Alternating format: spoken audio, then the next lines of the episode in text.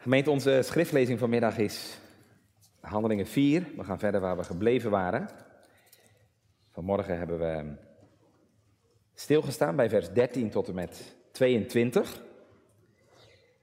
Dat was de reactie van de Joodse Raad op het getuigenis van Petrus en Johannes. En dan gaan we nu verder lezen vanaf vers 23 tot en met 31. Als Petrus en Johannes weer terugkeren en de gemeente opzoeken. En er daar samen gebeden wordt en de Heer wordt aangeroepen. Handelingen 4 vanaf vers 23. En zij, losgelaten zijnde, kwamen tot de hunnen en verkondigden al wat de overpriesters en de ouderlingen tot hen gezegd hadden. En als deze dat hoorden, hieven zij indrachtelijk hun stem op tot God en zeiden, Heere, gij zijt de God, die gemaakt hebt de hemel en de aarde en de zee en alle dingen die in dezelfde zijn, die door de, mond van David, uw knecht, gezegd hebt, waarom woeden de heidenen en hebben de volken ijdele dingen bedacht? De koningen der aarde zijn tezamen opgestaan. En de oversten zijn bijeen vergaderd tegen de Heere en tegen zijn gezalfde. Want in der waarheid zijn vergaderd tegen uw heilig kind Jezus, welke gij gezalfd hebt. En bij de Herodes en Pontius Pilatus met de heidenen en de volken Israëls. Om te doen al wat uw hand en uw raad tevoren bepaald had, dat geschieden zou. En nu dan, heren, zie op hun dreigingen en geef uw dienstknechten met alle vrijmoedigheid uw woord te spreken. Daarin dat gij uw hand uitstrekt tot genezing en dat tekenen en wonderen geschieden door de naam van uw heilig kind Jezus. En als ze gebeden hadden met de plaats in welke zij vergaderd waren bewogen, en zij werden vervuld met de Heilige Geest en spraken het woord Gods met vrijmoedigheid.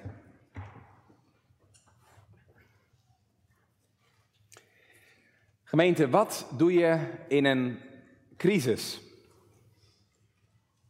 Wat doe je als bijvoorbeeld je huwelijk in zwaar weer komt? Of je ziek wordt? Of misschien in een burn-out terechtkomt? Gemeente, wat je doet in een crisis zegt heel veel over jezelf. Over je hart. En dat geldt niet alleen maar in het persoonlijk leven. Dat geldt ook in de kerk. Een van de grootste crises die ik in de kerk heb meegemaakt, was de kerkscheuring van 2004. De eerste zondag van mei 2004 gingen honderden hervormde gemeentes uit elkaar. Ik moest die zondag in Elspet preken op de Veluwe. Een gemeente die ontzettend hard getroffen werd door de scheuring. En na afloop werden mijn vrouw en ik de koffie gevraagd bij dominee Stelwagen. Ontmoeting die wij nooit meer zullen vergeten. En wat het meest indruk op ons maakte was hoe dominee Stelwagen, is een aantal maanden geleden overleden, reageerde op al die pijn, emotie en verdriet van die dag. Hij zei, laten we bidden. En heel het gezin, stelwagen, en wij erbij, knielden rond de tafel in de kamer om samen de Heren aan te roepen. Wat doe je in een crisis? Waar zoek je dan je hulp? Bij vrienden, hulpverleners, artsen? Of zoek je het bij God? Gemeente in Jeruzalem zoeken ze het bij God. En daar gaan we vanmiddag over nadenken. We staan vanmiddag stil bij de reactie van de gemeente nadat de apostelen zijn losgelaten door de Joodse leiders. Tekst is dus het gedeelte wat we gelezen hebben, vers 23 tot en met 31. En we letten daarbij op drie dingen. Het gedeelte laat ons in de eerste plaats iets zien over het belang van de gemeente. Het belang van de gemeente. Want we lezen in vers 23, en zij losgelaten zijnde kwamen tot de hunnen. We letten in de tweede plaats op het gebed van de gemeente. Vers 24 tot en met 30. En tenslotte de reactie van God op het gebed van de gemeente. Vers 31. Dus het belang van de gemeente, het gebed van de gemeente en de reactie op het gebed van de gemeente. Gemeente, stel u eens voor. Er is een overval gepleegd op straat. Toevallig net toen u in de buurt was. De politie stelt een onderzoek in. En u wordt opgepakt en meegenomen. Nou, u had natuurlijk helemaal niks gedaan. U was alleen maar toevallig in de buurt. U wordt ondervraagd op bureau. En uh, ja, gelukkig blijkt natuurlijk al gauw dat je er niks mee te maken hebt. En u wordt weer vrijgelaten. Je haalt natuurlijk opgelucht adem als je weer buiten staat. En dan? Wat zou u dan doen? Waar gaat u dan naartoe? Ja, nu denkt u hoogstwaarschijnlijk, ja, dominee naar huis natuurlijk. Of misschien een hele goede vriend. Om even je hart te luchten. Het gaat vanmiddag gemeente over Petrus en Johannes. Die ongeveer zo'n ervaring achter de rug hebben. Net vrijgelaten. En dan ben je benieuwd, waar gaan ze naartoe? We lezen in vers 23. En zij, losgelaten zijnde, kwamen tot de hunnen. Wie zijn dat? De hunnen. Of zoals de herziene statenvertaling zegt, hun eigen mensen. Ja, je zou misschien denken aan hun familie of hun gezinsleden. Maar als je verder leest in dit stukje, dan blijkt dat niet te kloppen. Want het is de gemeente waar ze naartoe gaan. Dus de hunnen zijn hun medegelovigen. Nou, gemeente, uit deze woorden, uit deze benamingen, vers 23, zien we iets van het geweldig grote belang dat de eerste christenen hechten aan de gemeente. Nog belangrijker dan familie blijkbaar is de gemeente. Ja, dan weet ik natuurlijk niet hoe het u vergaat, maar als ik eerlijk ben, vind ik dit eigenlijk best wel een beetje ongemakkelijk. Want gemeente, staan wij eerlijk gezegd hier gewoon niet heel ver vandaan.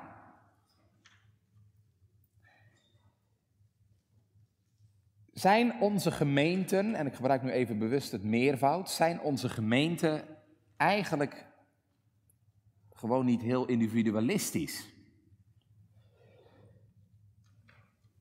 Zou u, als u opgepakt werd en weer losgelaten, bij mij durven langskomen? Hoogaars 25, desnoods om 11 uur s avonds. Gemeente, als het goed is, moet dat geen probleem zijn. Zouden op elk moment van de dag bij elkaar moeten kunnen komen. Omdat je je welkom weet omdat je weet dat je met je vragen en problemen welkom bent bij elkaar. En gemeente, laat het feit dat het vaak niet zo is bij ons, niet zien dat we eigenlijk best wel ver weg staan van de gemeente zoals de Bijbel dat voor ogen staat. Zijn wij gewoon niet heel erg individualistisch? En hangen we voor een groot gedeelte vaak niet als loszand aan elkaar? Dan laat Handelingen 4 ons vanmiddag zien dat het anders kan en ook anders moet. Handelingen 4 leert ons, individualistische westerse christenen, dat de Heer iets anders voor ogen staat met zijn gemeente. Een plek waar je naartoe kunt gaan. En ik weet het, natuurlijk is ons gemeenteleven heel anders dan toen en daar in Jeruzalem. Wij komen niet elke dag samen. Maar laat ik het dan zo zeggen, gemeente, elk gemeentelid zou eigenlijk toch minstens één of twee adresjes moeten hebben waar je altijd terecht kunt. Met je problemen, met je zorgen, hè, voor een luisterend oor. Iemand die voor je bidt. Want zo heeft de Heer zijn gemeente bedoeld.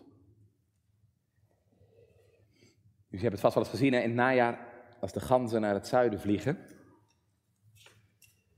dan vliegen ze altijd in een V-formatie. Biologen hebben zich heel lang afgevraagd waarom dat zo is. Nou, we weten inmiddels hoe, waarom dat zo is. Hè, als een gans een andere gans volgt, is het voor hem veel makkelijker om te vliegen. Dat komt door de luchtstroom van die gans voor hem. En ze hebben berekend, als, als alle ganzen in zo'n V-formatie vliegen, dan is het vliegbereik 71% meer dan wanneer elke gans alleen zou vliegen. Nou, de toepassing hoef je natuurlijk niet te maken. Samen sta je sterker. Dat is in de natuur zo en dat is in het geestelijke niet anders. Je kunt veel meer aan als je mensen om je heen hebt. Zeker als die met je meeleven en meebidden. En dat is wat er hier gebeurt in Jeruzalem. Daar is meeleven. Een luisterend oor voor Petrus en Johannes. Kijk maar. Ze kwamen tot de hunne en verkondigden, vertelden hen alles wat de overpriester en de ouderlingen tot hen gezegd hadden. Maar daar blijft het niet bij. Er wordt ook gebeden. En weer zien we hier gemeente het grote belang van het gebed. In de eerste gemeente. Dat hadden we al eerder gezien in Handelingen 2, vers 42. Zij volharden in de gebeden, lazen toen. Nou, hier zie je daar een mooi voorbeeld van in Handelingen 4. Het langste gebed ook wat we tegenkomen in het hele boek Handelingen. En daarom de moeite waard gemeente om ons vanmiddag daardoor te laten onderwijzen. Nou, we gaan zo meteen kijken naar de inhoud van dat gebed. Maar wilt u gemeente eerst even letten op het belang dat ze hechten aan dat gebed?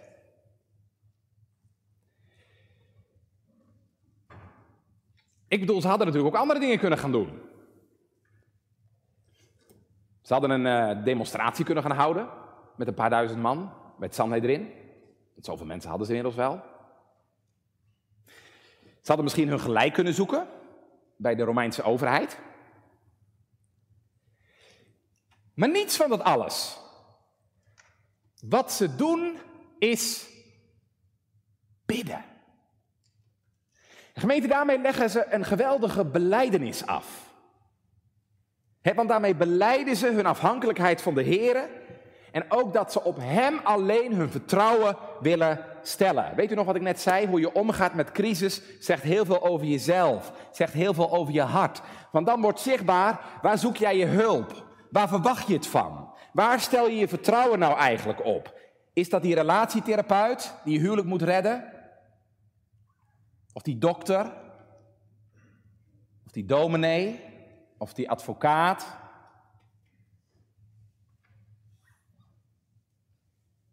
Of is het de Heer? Probeer je het zelf te fixen? Of zoek je het bij de Heer? En daarom, gemeente, zijn crisis in je leven vaak ook heel ontdekkend, hè? Ja, crisis in je leven zijn heel ontdekkend. Die laten zien waar stel je je vertrouwen op. En dan zul je merken, gemeente, en dat is aangrijpend, zoveel mensen zoeken het in crisis bij zichzelf.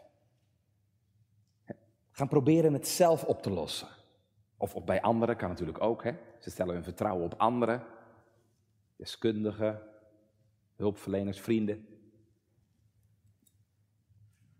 Maar wie zegt, mijn hulp is van de Heere alleen? natuurlijk, natuurlijk mag je gebruik maken van artsen en hulpverleners als dat nodig is. Daar gaat het helemaal niet om. Maar het gaat mij om, wat is nou je primaire vertrouwen? In Jeruzalem gemeente richten ze zich op de Heer. Want ze gaan bidden. En wat is bidden? Daar kun je natuurlijk heel veel definities van geven. Maar bidden is eigenlijk niets anders dan je richten op de Heer. Je, richt je niet meer op je probleem, maar je richt je met je probleem, met je zorg op de Heer. Want wat gebeurt er vaak als je een crisis meemaakt? Dan ga je je focussen op dat probleem. En gemeente, vaak ben je er helemaal ondersteboven van. je doet niks anders dan daaraan denken. En daarover praten. Je ligt er straks wakker van misschien. Maar gemeente, problemen worden nooit verholpen door je op je probleem te richten. Je probleem wordt alleen verholpen als je ermee naar God gaat. Ik bedoel, als je je richt op God in het besef, Heer, u bent groter dan mijn probleem.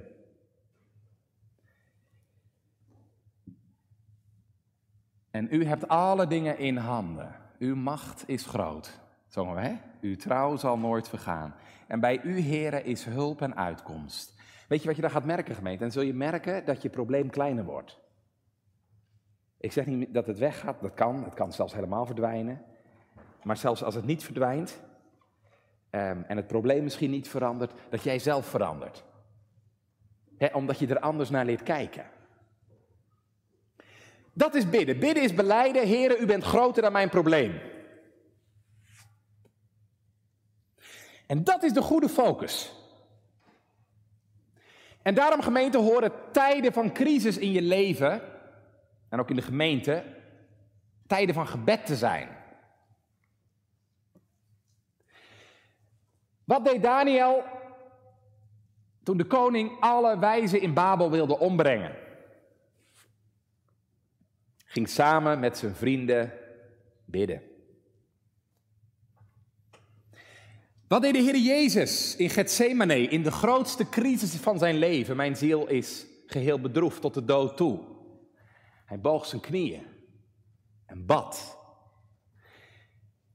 En wat moeten we doen als er crisis zijn in de gemeente?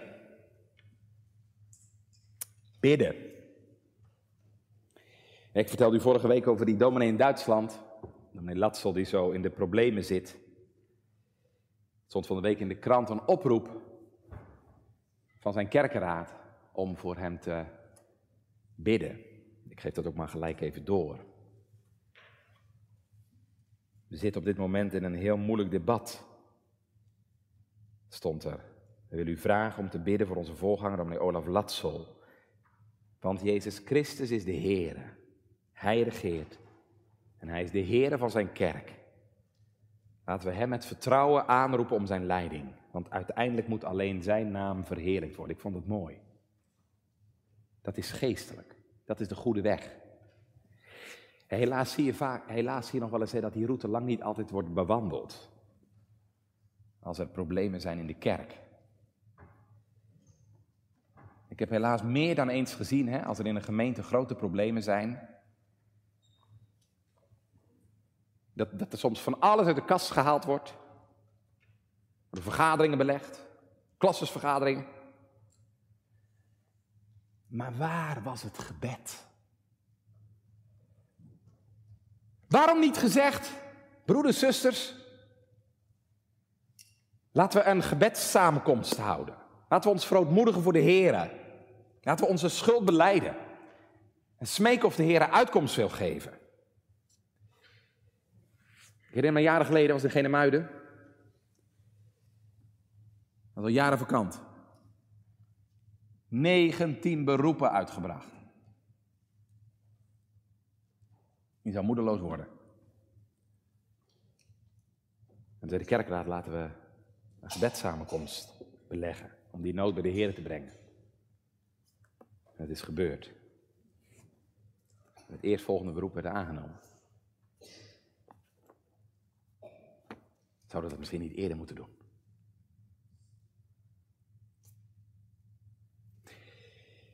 En als er iets is wat handelingen ons leert, is dat we in de gemeente veel meer met elkaar zouden moeten bidden.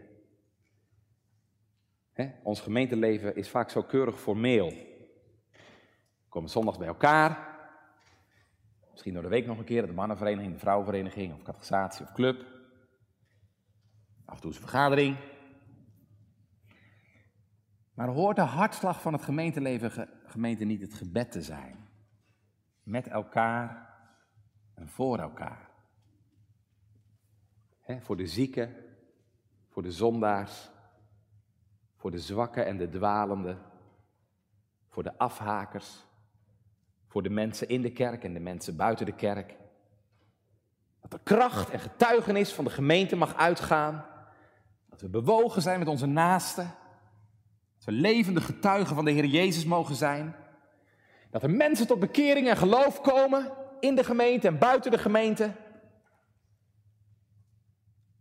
Of gaat ons dat niet aan ons hart?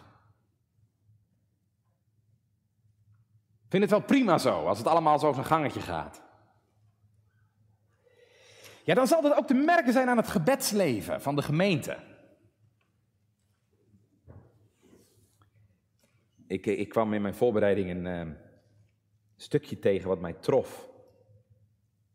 Het ging over het gebed in Handelingen 4 en die, die Bijbeluitlegger die, die schreef daar het volgende bij. Ik heb het even vertaald. Hij zegt, uh, door zich af te wenden van het gebed, berooft de kerk zichzelf van een van de grootste zegeningen van het christelijke leven. Als de kerk geestelijke vitaliteit en zegen verwacht te ervaren, dan zal ze moeten investeren in het werk van het gebed. Hoort u het? Als wij geestelijke zegen willen ervaren, dan zullen we moeten investeren in het werk van het gebed. Mag ik een voorbeeld geven? U kent allemaal Spurgeon wel, hè? Ik vertel graag over hem, dat weet u. En dan weet u vast ook wel dat er bijna geen dominee in de geschiedenis geweest is die zoveel zegen op zijn prediking heeft gehad als Charles Haddon Spurgeon. Weet u hoe dat kwam?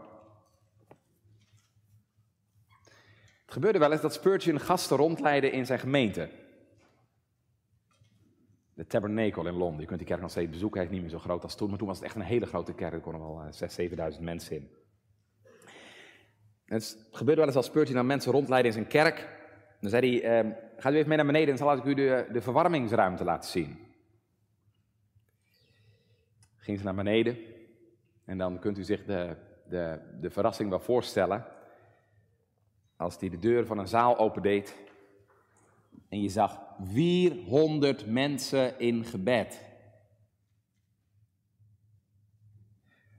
S'morgens vroeg en s'avonds weer.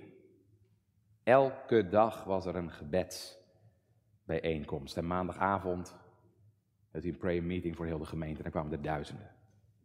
3000 man te bidden. En Spurgeon vertelt in zijn levensbeschrijving, en dat, ik wil u dat alleen maar even laten horen. Spurgeon vertelt in zijn levensbeschrijving, ik geef altijd alle eer aan de Heer. Maar ik zal niet vergeten dat Hij mij het voorrecht gaf om vanaf het eerste begin predikant te mogen zijn van een biddend volk. God gaf mij het voorrecht om vanaf het eerste begin predikant te mogen zijn van een biddend volk. Dat was het geheim van zijn zegen. Een biddende gemeente. Goed, dat was wat ik wilde zeggen over het belang van het gebed. Gaan we nu gemeente even kijken naar de inhoud van dit gebed en wat we daarvan kunnen leren vers 24. En dan lezen we, en als deze dat hoorden, hieven zij eendrachtig hun stem op tot God. Ja, hoe moet je dat voorstellen? Eendrachtig je stem opheffen. Zal toch niet met z'n allen door elkaar gebeden zijn? Nou, ik denk dat je het zo moet voorstellen dat er één de leiding had en dat de anderen hun instemming betuigden. U weet misschien wel, als u wel eens in Amerika of in Engeland geweest bent bij, bij, bij uh, christenen, dan weet u misschien wel hoe dat gaat daar in het buitenland. Ik heb dat verschillende keren meegemaakt in Engeland en Amerika. Eén ehm, persoon bidt, maar dan is de rest niet stil, zoals bij ons. Maar die betuigen ondertussen hun instemming. Hoor je af en toe uh, amen of yes of zo. Nou, als je dat niet gewend bent, is dat in het begin best wel een beetje vreemd. Lijkt een beetje oneerbiedig. Maar dit is het helemaal niet. Dat zorgt juist voor betrokkenheid bij alle hoorders die meebidden. Nou, ik denk dat het hier zo ook ongeveer er zo aan toe ging. Wat wordt er dan gebeden? Wel gemeente, dat gebed begint in de eerste plaats met een beleidenis. Kijk even mee. Ze hieven eendrachtig hun stem op tot God en zeiden: Heere, gij zijt de God die gemaakt hebt de hemel, de aarde, de zee en alle dingen die in dezelfde zijn. Zie je wat ze doen? Ze beginnen niet met hun probleem. Ze beginnen met een beleidenis. een beleidenis over God die alle dingen gemaakt heeft, die alle dingen in zijn hand heeft, die alle macht heeft in hemel en op aarde en die regeert over elke situatie en omstandigheid.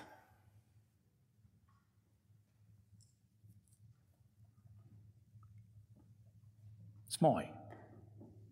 Bijbels dus. En je gebed beginnen met een beleidenis. Zo begon ik straks ook, Psalm 93. Dat zouden we vaker moeten doen. Hè? De Heer regeert, de hoogste majesteit. Hij houdt alle dingen in zijn hand. En dan wordt er hier, en dat is heel opmerkelijk, dan wordt er hier een woord gebruikt voor de Heer wat heel weinig gebruikt wordt in de Bijbel. als u in uw Bijbel het woordje Heer ziet staan, dan staat daar meestal, bijna altijd, in het Grieks het woordje Kurios, Heer. Maar hier dus niet. En dat woordje Heere hier, daar staat in het Grieks het woordje despotes. Meester. En dat is in de oudheid het woord wat gebruikt wordt in de relatie tussen een slaaf en zijn meester. De meester die alle macht over jou heeft. Despotes. Nou, hier beleidt de gemeente dat God degene is die alle macht over hen heeft. En niet alleen over hen, maar over alles en iedereen. De hemel en de aarde, de zee en alle dingen die in dezelfde zijn. Alle dingen, hoor je het? Alle dingen, dat is ook hun probleem en dat is ook jouw probleem. Alle dingen, dat is ook de Joodse leiders. Allemaal in zijn hand. Wat een geweldige troost, gemeente. God is soeverein, koning over alle dingen. Veel mensen vinden dat bedreigend. Maar voor Gods kinderen is dat een van de meest kostbare waarheden. Dat alles in zijn hand ligt. alleen al dat te geloven geeft zo'n geweldige rust. Wat er ook met je gebeurt, wat je ook overkomt, de Heere regeert en heeft alle dingen in zijn hand. Dat is wat we bedoelen met Gods soevereiniteit. Wat er ook gebeurt, wat je ook overkomt, de Heere regeert en heeft alle dingen in zijn hand. Ook de ziekte, ook de tegenslagen, ook de teleurstellingen, ook de verliezen, ook de dingen waar ik niks van snap. Wat er ook gebeurt en wat er ook verandert, één ding verandert nooit. De Heere regeert en heeft alle dingen in zijn hand.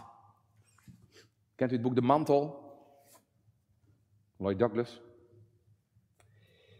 Um, die schrijver, Lloyd Douglas, had um, contact met een oude man bij hem in de buurt. Oude muzikus. Ging die elke dag even langs. En hij vertelde in een van zijn boeken. Elke keer als ik bij die oude man, bij die oude muzikus langs kwam, voltrok zich hetzelfde ritueel. Elke keer stelde hij mij de vraag: Is er nog goed nieuws?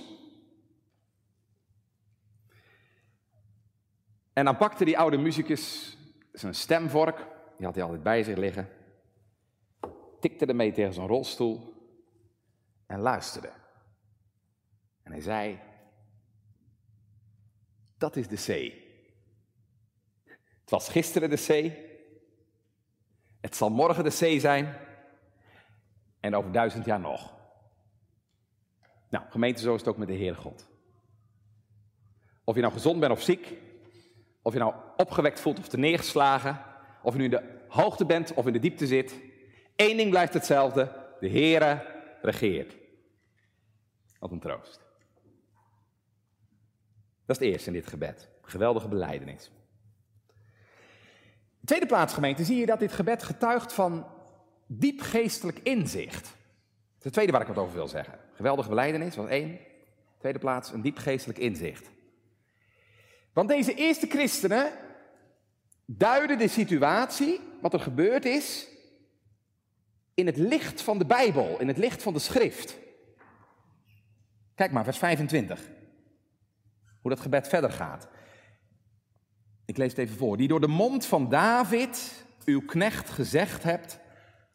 Waarom woeden de heidenen en hebben de volken ijdele dingen bedacht? Koningen der aarde zijn tezamen opgestaan, de oversten zijn bijeen vergaderd tegen de Here en tegen zijn gezalfde, tegen zijn Messias. Wat is dit? Vers 24 en 25. Vers 25 en 26. Dat is een aanhaling gemeente uit de Bijbel.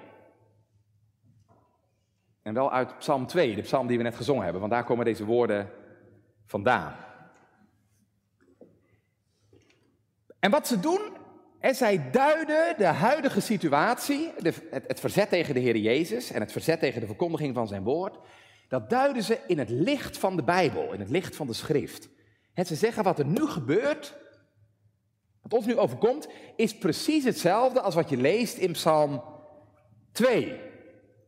En waar gaat het over in Psalm 2? Nou, in Psalm 2 gaat het over het verzet van de koningen der aarde, hè, dus de machtigen, de leidinggevenden, de mensen die het voor zeggen hebben, tegen de Here en zijn gezalfde.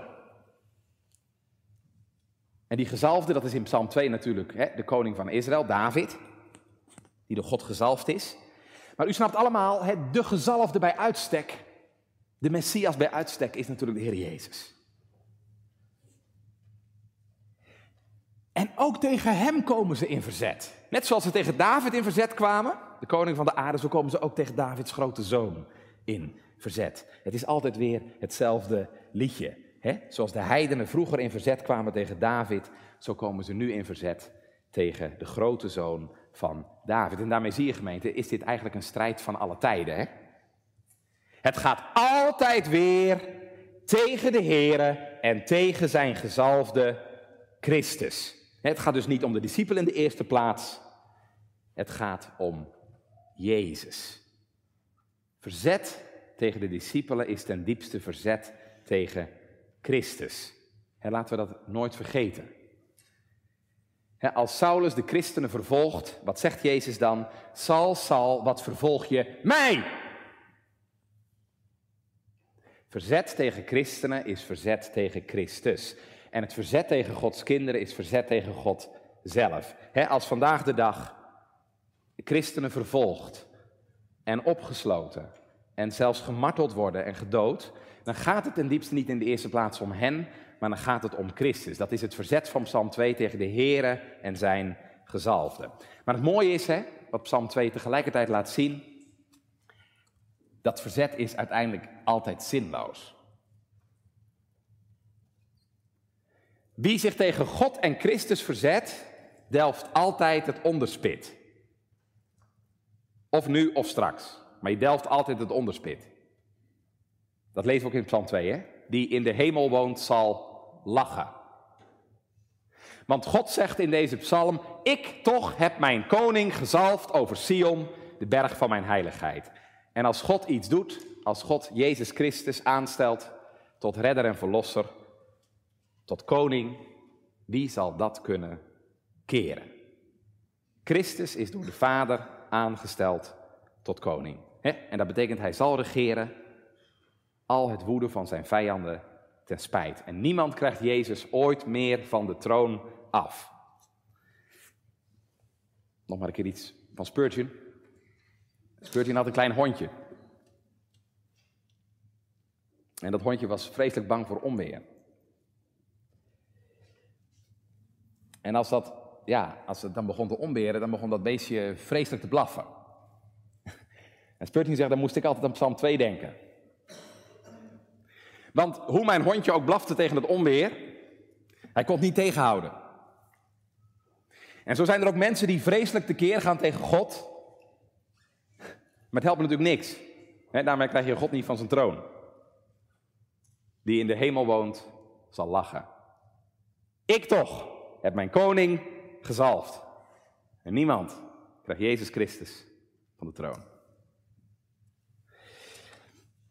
Nou, deze woorden, gemeente, hè, deze aanhaling uit Psalm 2, vers 25 en 26, hè, daar zie je iets aan van, van het inzicht wat deze eerste christenen hadden. Ik bedoel, zij hebben door wat er aan de hand is. Zij zien wat er gaande is en ze zijn ook in staat om de situatie te duiden. He, zij hebben het inzicht om wat er nu gebeurt te duiden in het licht van de Bijbel. En wat is dat vreselijk belangrijk? dat je actuele gebeurtenissen, of dingen die gebeuren in je leven, dat je die kunt duiden in het licht van Gods woord. of het nou gaat om de coronacrisis, of, of allerlei ontwikkelingen die gaande zijn in de samenleving. Het, vermogen, hè, dat bedoel ik, dat wat je om je heen ziet gebeuren, dat je dat kunt duiden in het licht van Gods woord. En wat hebben we dat nodig vandaag? want wat is er ook vandaag veel aan de hand? En wat is er veel gaande? En wat hebben we behoefte? Heeft de gemeente ook behoefte, dat de dingen geduid kunnen worden in het licht van de Bijbel. Wat heb je daarvoor nodig? Twee dingen. Daar heb je geestelijk inzicht voor nodig. geestelijk inzicht en aan de andere kant kennis van Gods woord. Deze mensen in Jeruzalem hebben het inzicht dat er hier sprake is van een geestelijke strijd. En zij zien achter dat verzet tegen de apostelen verzet tegen Christus. En zij beseffen dat er allerlei geestelijke machten in het spel zijn om de apostelen de mond te snoeren. hey, beseffen wij dat ook? Beseft u gemeente dat er tussen hemel en aarde veel meer gebeurt dan wij kunnen zien? Beseffen wij gemeente dat er allerlei duistere machten bezig zijn hè, hun invloed te laten gelden op mensen, op het wereldgebeuren, ook in de kerk? Beseffen wij gemeente dat er een geestelijke strijd gaande is. En wat er nu vandaag in China gebeurt, waar honderden kerken gesloten worden en waar de kerk monddood wordt gemaakt. En wat er in onze samenleving gebeurt rondom LHBT. Waardoor scholen en kerken steeds minder ruimte krijgen om te zeggen wat Gods woord zegt. Vorige week heeft de Tweede Kamer in grote meerderheid ermee ingestemd dat het verbod op discriminatie van LHBT'ers in artikel 1 van de grondwet moet komen staan. En natuurlijk gemeente, natuurlijk, discriminatie is iets verwerpelijks. Wij mogen niemand verwerpen. Wij mogen niemand discrimineren, niet op grond van zijn geaardheid, niet op grond van zijn ras of zijn overtuiging. Maar waarom is dit apart in de grondwet komen te staan? Daar zit een hele krachtige lobby achter van allerlei homo-organisaties. Die via het zogenaamde regenboogakkoord eh, dit voor elkaar gekregen hebben. En zelfs het CDA en de CU gaan daarin mee. Maar hier zijn geestelijke krachten in het spel. Die zich verzetten tegen de Here en zijn gezalfde. Wat hebben wij nodig? Om net als deze eerste christenen actuele gebeurtenissen te kunnen duiden in het licht van Gods woord. Tegelijkertijd mogen we weten, ook dan loopt het God niet uit de hand. En ook dat zien deze christenen. En zij geloven dat ook nu God regeert. Dat is het derde wat mij opvalt in dit gebed. We hadden al twee dingen gezien, hè? Beleidenis van Gods macht, daar begonnen ze mee. Het tweede wat we zagen was hun geestelijk inzicht. Hè? Ze duiden de situatie in het licht van de Bijbel. En het derde wat hier opvalt, dat is hun geloof in Gods soevereiniteit. Dat betekent gemeente dat onder alle omstandigheden toch de Heer regeert en zijn plan volvoert. Kijk even mee. Dan ga ik even lezen vanaf vers 27. Want in der waarheid zijn vergaderd tegen uw heilig kind Jezus, welke gij gezalfd hebt, bij de Herodes en Pontius Pilatus met de heidenen en de volken Israël. En nou komt het. Nou komt het. Vers 28. Om te doen al wat uw hand en uw raad tevoren bepaald had dat geschieden zou. Wat doen Herodes en Pilatus met Jezus? Die doen kwaad. En wat doet God? Die volvoert zijn plan. En dus wel zo dat hij zelfs het kwaad van Herodes en Pilatus ten goede gebruikt. met het oog op de uitvoering van zijn plan. Wisten Pilatus en Herodes dat? Nee, dat wisten ze niet. Hè. Zij volgden gewoon hun eigen boze hart. En daar zijn ze natuurlijk ook ten volle verantwoordelijk voor, het kwaad wat ze de Heer Jezus hebben aangedaan. Zij handelden in vrijheid. En ze zijn volledig verantwoordelijk voor wat ze Jezus hebben aangedaan. Het kwaad is en blijft kwaad. Maar de Bijbel laat zien, God staat erboven. En is blijkbaar bij machten om dat kwade ten goede te keren. Gelooft u dat? Dat God het kwaad in de hand houdt en dat Hij bij machten is het kwade ten goede te keren. Ik bedoel gemeente, dat maakt natuurlijk het kwaad niet minder kwaad. er kunnen in je leven vreselijke dingen gebeuren waar je helemaal stuk van bent. En ik zeg ook niet gemeente dat God ons dat weerhoudt. Hij heeft ook zijn eigen zoon niet gespaard. Er kunnen vreselijke dingen in een mensenleven gebeuren. Maar zelfs toen Jezus gegezeld werd, en zelfs toen hij aan het hout gespijkerd werd, verloor God niet de controle. Dat is wat we bedoelen met de beleidenis van Gods soevereiniteit. God verliest niet de controle. Zelfs als je leven over de kop gaat,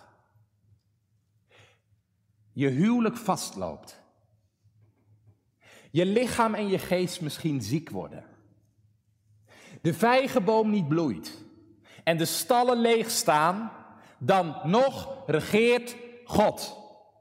En wat is dat een geweldige troost, gemeente, als je dat mag weten en geloven. Dat ook het kwaad, en dus ook het kwaad in mijn leven, onder Gods heerschappij staat. En dat God zelfs het kwade in je leven, en velen kunnen daarvan getuigen, dat God zelfs het kwaad in je leven kan doen, meewerken ten goede. En dat zal de Heer ook doen. Als je het eigendom bent van die getrouwe zaligmaker, Jezus Christus, die gezegd heeft dat zonder de wil van mijn hemelse Vader geen haar van mijn hoofd vallen kan. Ja, ook dat mij alle dingen tot mijn zaligheid dienen moeten. Maarten Luther stond voor de pauselijke nuntius, de pauselijke afgezant. En die dreigde hem. Die waarschuwde Luther. Weet je wat er gebeurt als jij volhardt in deze weg? Iedereen die nu nog aan jouw kant staat, zal jou verlaten. En je komt uiteindelijk helemaal alleen te staan. Waar zul je dan zijn? Nou, zei Luther. Gewoon, net als nu. In de handen van God.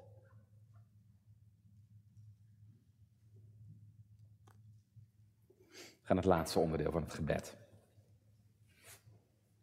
Dat is de bede. We hebben gekeken naar de beleidenis, geestelijk inzicht, beleidenis van Gods soevereiniteit en tenslotte zien we nog hun beden. Vers 29 en 30. Dat, dat is wat ze concreet aan de Heer willen vragen. Vers 29. En nu dan, heren, zie op hun dreigingen en geef uw dienstknechten met alle vrijmoedigheid uw woord te spreken. Daarin dat gij uw hand uitstrekt tot genezing en dat tekenen en wonderen geschieden door de naam van uw heilig kind Jezus. Drie dingen, gemeente. Drie dingen waar ze om vragen. Het eerste is, Heere, zie. Zie op hun dreigingen. Heren, zie wat er gebeurt. U zegt meer niet? Lieve gemeente, voor het geloof is dat genoeg. Dat God het ziet en ervan af weet. Geeft dat een troost. Gij ziet de moeite en het verdriet. Here, zie. Dat is één. Het tweede wat ze vragen. En geef uw dienstknechten met alle vrijmoedigheid uw woord te spreken. Dat vind ik een bijzonder gebed, gemeente. Want let er eens even op wat ze niet vragen. Let er eens even op wat ze niet vragen. Ze vragen niet, heren, brengt u onze leiders op andere gedachten. Of, heren, neem braak op onze vijanden. Of, heren, bekeert u ze toch. Nee, dat laten ze aan God. laat hij maar doen in zijn wijsheid wat hij goed acht. Matthew Henry zegt, ze schrijven God niet voor wat hij doen zal, maar laten het aan hem over. En gemeente, daar kunnen we echt van leren. want we zijn er soms zo goed in om God voor te houden wat wij denken dat goed is. Heer, wilt u dit of Heer, wilt u dat? Nou, ik zeg niet dat je niet mag vragen om concrete dingen. Maar het belangrijkste als u bidt, is dat u vraagt: Heere, doe wat u goed acht. Bid je zo? Je zegt, Heere, u weet wat het beste voor mij is. Gemeente, natuurlijk mag je vragen om genezing. Om herstel, om een andere baan, om een relatie. Maar durf dan ook te vragen. Heere, doet u maar. Waar uw naam het meest overheerlijkt wordt. En wat voor mij het beste is. Want dat weet u veel beter dan ik.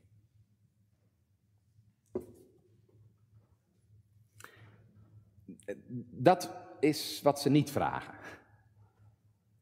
Let ook even op wat ze wel vragen. Wat vragen ze wel? Nou, kijk maar. En geef uw dienstknechten met alle vrijmoedigheid uw woord te spreken.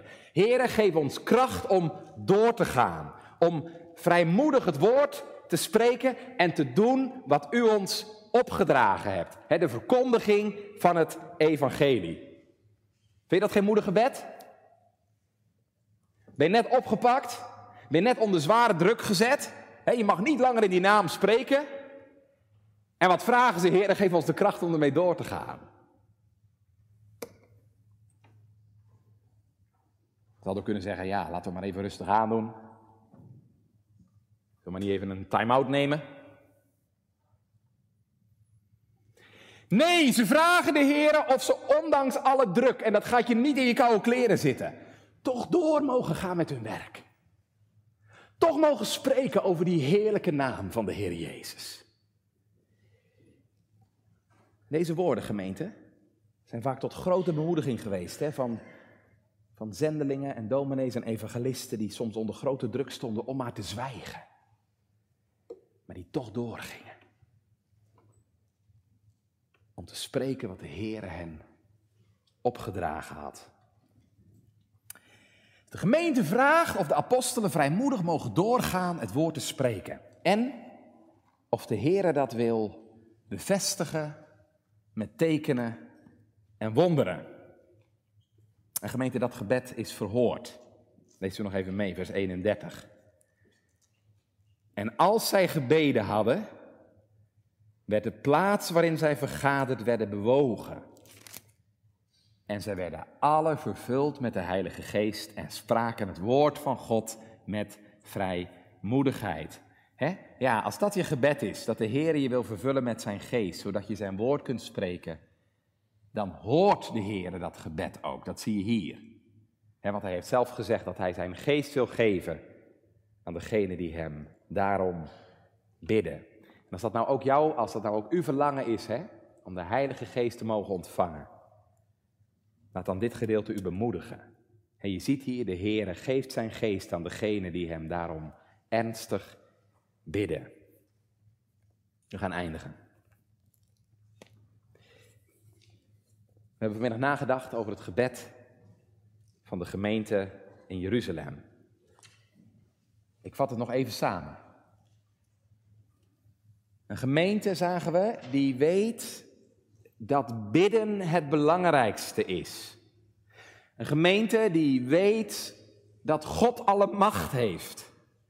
Een gemeente die geestelijk inzicht heeft en besef heeft van de geestelijke strijd die er gaande is.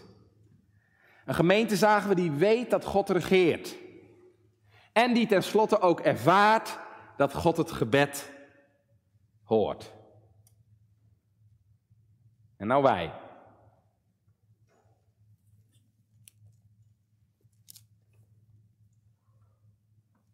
Ik zal heel eerlijk zijn, gemeente.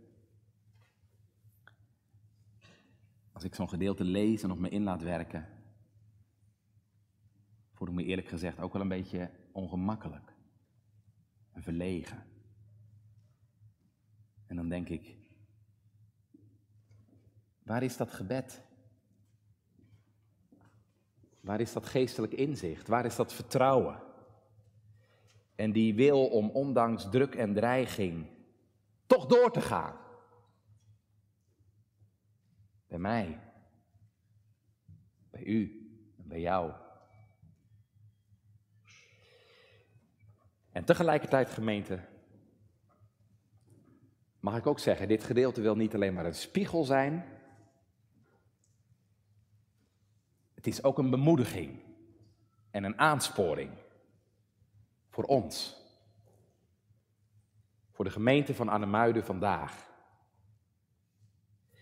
Want God spreekt zijn woord. God spreekt dit woord vanmiddag, Handelingen 4. Opdat ook wij ons zouden bekeren. En ons door dit voorbeeld willen laten leiden. En laten we dan bidden vanmiddag. Dat deze overtuigingen die we vanmiddag tegenkwamen. Ook jou en uw en mijn hart mogen vervullen. En wij samen dit voorbeeld mogen volgen. Het is vandaag, precies vijf jaar geleden, dat ik in uw midden bevestigd ben. Door dominee van der Belt en dominee van den Berg. En als u vraagt, hoe was het nou? Die vijf jaar. Dan moet ik denken aan wat ik eens bij Kolbrugge gelezen heb. Iemand vroeg eens aan dominee Kolbrugge, hoe is uw gemeente? We stonden buiten, tuin. En Kolbrugge wees naar een rozenstruik. En hij zei alleen maar, deze rozenstruik is vol luizen. Toch bloeien er rozen.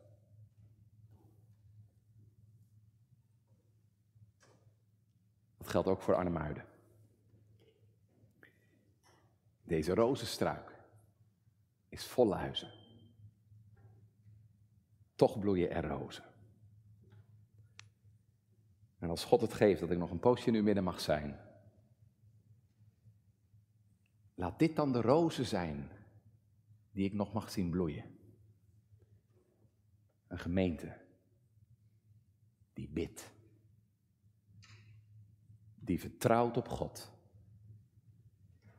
en die wil volharden om Gods woord te horen en te spreken. Dan kan ik u zeggen, zo'n gemeente heeft toekomst.